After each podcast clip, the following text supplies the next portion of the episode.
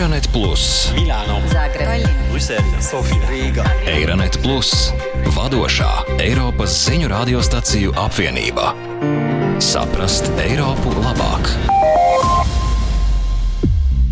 Sveicināti! Mēs tiekamies kārtējā Euronet Plus Green Deal jeb zaļā kursa raidierakstā. Tajā kopā ar kolēģiem no visas Eiropas aplūkojam to, kā mēs varam ietekmēt tā dēvēto zaļo pāreju, ko ir uzsākusi Eiropas Savienība.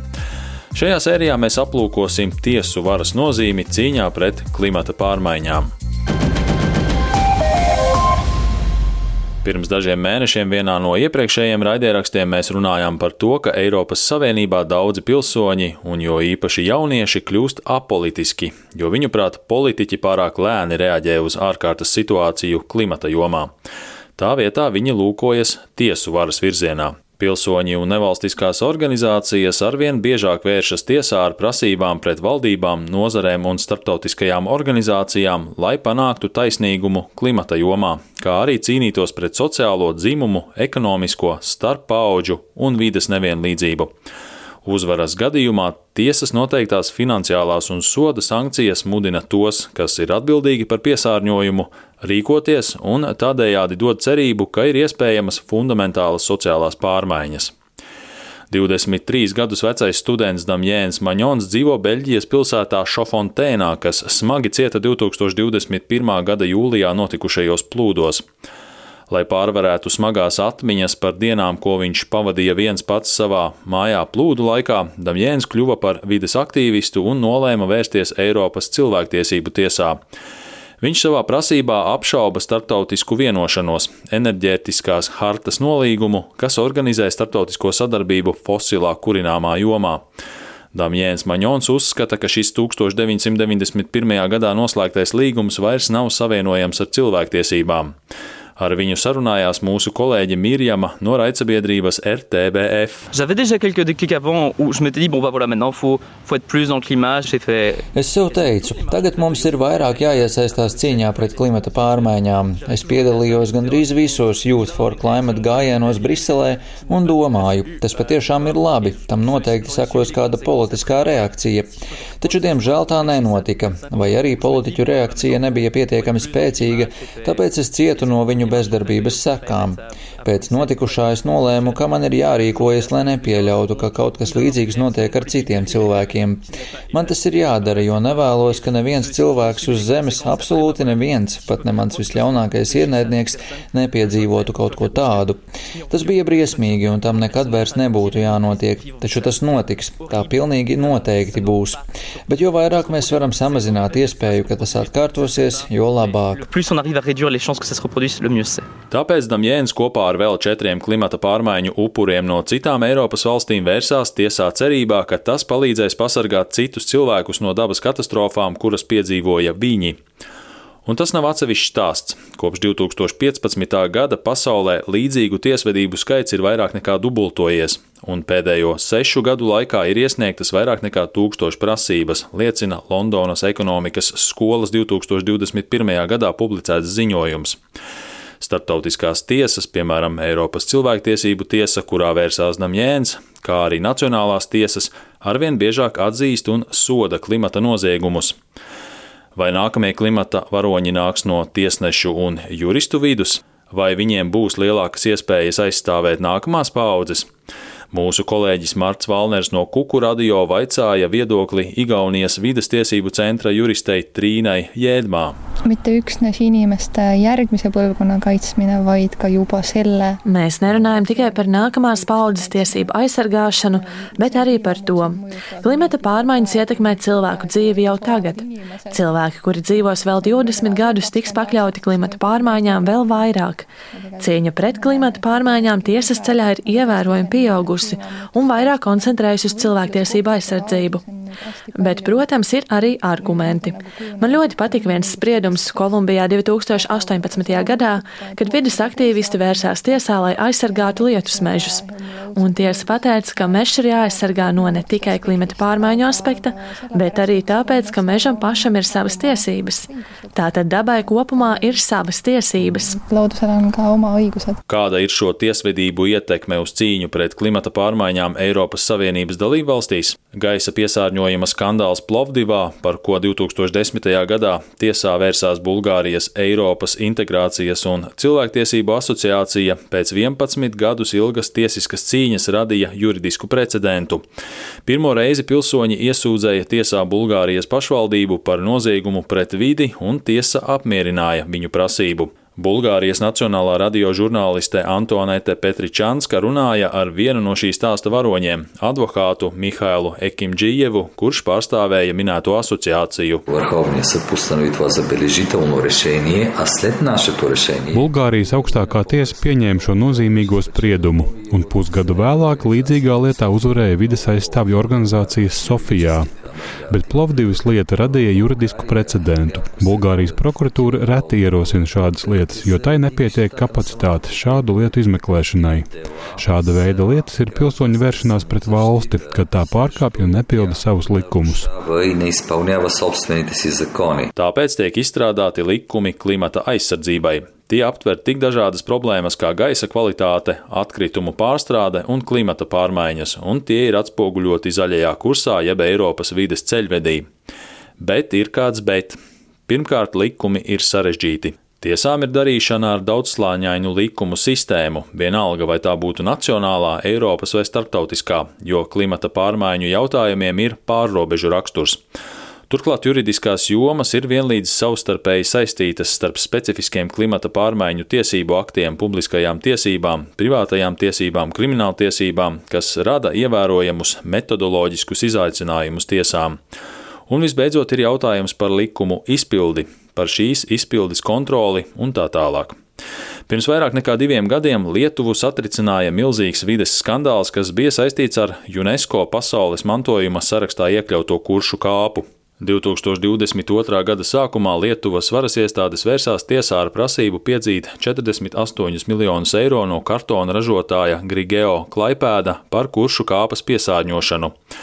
Organizācijas vides koalīcija vadītāja Līna Paškevičūte cer, ka dabai nodarītie postījumi tiks likvidēti bet ja tiesību akti var kaut ko mainīt, tad atbildīgo iestāžu rīcībā ir jābūt līdzekļiem, lai tos izpildītu. Viņas prāt, Lietuva pēdējos gados ir panākusi ļoti nelielu progresu šajā jautājumā. Net ir geriausius izstātījumus turint, mēs turim daug, beje, turim tikrai neblogu izstātījumu. Pat ar labākajiem likumiem, un mums ir ļoti labi likumi un noteikumi, ja nav neviena, kas tos ieviestu, tad uzņēmumi var atslābt. Nav īsti sajūtas, ka mēs būtu panākuši lielu progresu visu mēs ejam maziem solīšiem. Un sajūta ir tāda, ka pilsoniskās sabiedrības aktīvistam arī turpmāk būs patiešām svarīga loma, jo aktīvāki būsim, jo vairāk varēsim prasīt. Kiek jinai bus aktīvi ir, kiek sugebės išsireikalaut un likumiem ir savas robežas, ja runa ir par to īstenošanu, stāsta slovēņu vides juriste Senka Šifkoviča. Tieši šīs sarežģītības dēļ cilvēki visbiežāk tic, ka valsts parūpēsies par viņu interesēm veselīgā dzīves vidē. Taču jāatceras, ka pie varas esošie politiķi tiek ievēlēti uz četriem gadiem, kas nozīmē, ka viņi lielākoties īsteno īstermiņa intereses un rūpēties par ilgtermiņa interesēm ir grūtāk vai pat nepateicīgi. Tajā pašā laikā viņiem ir divējāda loma. No vienas puses viņi aizsargā vidi, bet no otras puses viņi lemj, ko drīkst vai nedrīkst darīt vidē, un pieņemot lēmumus konkrētos jautājumos, bieži vien tas notiek zem spēcīga ekonomikas un kapitālistisko interešu spiediena, un tieši tad var gadīties, ka vide tiek atstāta otrajā plānā, un dabai, protams, nav nekādas teikšanas. Okolje, narava, seveda, pa nima svojega glasu. Tomēr, ņemot vērā ārkārtas situāciju klimata jomā, visā pasaulē turpinās debates par klimata noziegumiem. Starptautiskajās tiesībās parādās jauns jēdziens - ekocīds, kas attiecas uz nopietniem uzbrukumiem videi. Šis termins atgādina genocīda jēdzienu un tādējādi virspusējā līmenī pauž nopietnības jēdzienu. Šo konceptu 2021. gada jūnijā formulēja ekspertu grupa, un tas uzreiz piesaistīja lielu uzmanību, īpaši sabiedrības acīs. Kolēģe no Radio 24 Džūlija par šo tēmu intervēja Milānas Katoļu Universitātes juridiskās fakultātes starptautisko tiesību zinātnieci Mariju Anģelu Lamannu. una proposta formulata da un gruppo di esperti. Šī priekšlikuma mērķis ir iekļaut jaunu starptautisku noziegumu, nevis vienkāršu pārkāpumu, bet gan reālu starptautisku noziegumu četru noziegumu sarakstā, kas ir starptautiskās krimināla tiesas jurisdikcijā, proti noziegumu pret cilvēci, kara noziegumi, genocīds un agresijas noziegums. Saskaņā ar šo priekšlikumu par ekocīdu tiktu uzskatītas visas pretiesiskas vai patvaļīgas darbības, ko izdarīs kāds, kurš apzinājās būtisku risku, ka šāda rīcība radīs nopietnu kaitējumu videi, kā arī darbības, kas ir plaši izplatītas geogrāfiski izkliedētas vai ilgstošas un tādējādi izkliedētas laikā ar ilgstošām sekām. Bet vai starptautisko tiesu un valstu paziņojumiem ir potenciāla ietekme? Olivier de Šutērs, ANO īpašais ziņotājs par galēju nabadzību un cilvēktiesībām un Lēvenes Universitātes starptautisko tiesību profesors, analizē ar klimatu saistītos tiesu procesus visā pasaulē. Lai gan pilsoņi arvien biežāk iesūdz tiesā valstis, viņi arī pilnvaro tiesu iestādes aizstāt politisko rīcību, lai piespiestu par piesārņojumu atbildīgos, jo īpaši uzņēmumus, maksāt. Lūk, ko viņš teica Mirjamai no RTBF. Pēdējos gados valdības ir bijušas galvenie atbildētāji tiesu procesos, kas ir saistīti ar klimata pārmaiņām. Taču pēdējā laikā ar tiesu starpniecību vēršas arī pret uzņēmumiem, lai piespiestu tos vidējā termiņā plānot pāreju uz saimniekošanu ar zemu oglekļa dioksīda emisiju līmeni. Tas tiek darīts pamatojoties uz ļoti vienkāršu novērojumu. Vairāk nekā divas trešdaļas siltumnīcas efektu izraisošo gāzu emisiju kopš industriālā laikmeta sākuma, precīzāk 72%, ir saistīts ar aptuveni 100 uzņēmumiem, kuri darbojas fosilā kurināmā, naftas, ķīmijas un cementa ražošanas nozarēs. Tie ir tā sauktie lielie oglekļa uzņēmumi, un pret šiem uzņēmumiem tagad tiek ierosināts tiesas prāvas. Tiesnešiem ir jāspēj piespiest uzņēmumus rīkoties tā, lai tiktu ievērots Parīzes nolīguma solījums, un tas nav obligāti jādara ar valstu starpniecību, lai uzliktu uzņēmumiem noteikts pienākums. Un tas ir ļoti interesanti, jo ļauj apiet valdību kūtrumu. Tas ļauj mums tieši vērsties pie galvenajiem par klimatu pārmaiņām atbildīgajiem.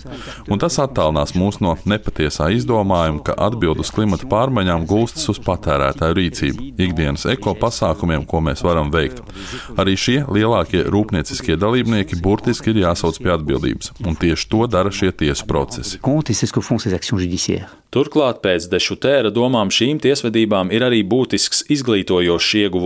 Tās piesaista mediju un sabiedrības uzmanību. Tās nodrošina reālu fórumu, kurā tiek diskutēts par klimata pārmaiņu ietekmi uz mūsu veselību, mūsu dzīvi un nākotni. Vairāk nekā 9 no 10 Eiropas iedzīvotājiem uzskata, ka klimata pārmaiņas ir nopietna problēma, kā liecina Eirobarometra aptauja. Tāpēc tas piespiež piesārņotājus apsvērt brīvprātīgas darbības, lai ierobežotu savas darbības kaitīgo ietekmi. Portugāles radio Renaissance žurnāliste Kristīna Našimentu intervēja vides juristi Rakele Freitašu, kura to apstiprina. Piesārņošana ir ļoti dārga, un ne jau soda naudas dēļ, bet gan kaitējumu reputācijai dēļ. Mūsdienās neviens nevēlas, lai viņu saistītu ar kaitējumu videi un tās degradāciju. Šo lielo uzņēmumu līmenī ir vesela kustība, kas cenšas, pat izmantojot brīvprātīgus mehānismus un komerciālas intereses, mainīt savu darbības veidu tieši tāpēc, ka viņi nevēlas, lai viņu vārds tiktu saistīts ar sliktu vides aizsardzības praksi. Tas arī viss šajā Euronet Plus Green Deal jeb zaļā kursa raidierakstu sērijā. Klausieties arī mūsu nākamos raidījumus. Eironet Plus, Milāno, Zagreb, Brisele, Sofija, Rīga. Eironet Plus, vadošā Eiropas ziņu radiostaciju apvienība. Saprast Eiropu labāk!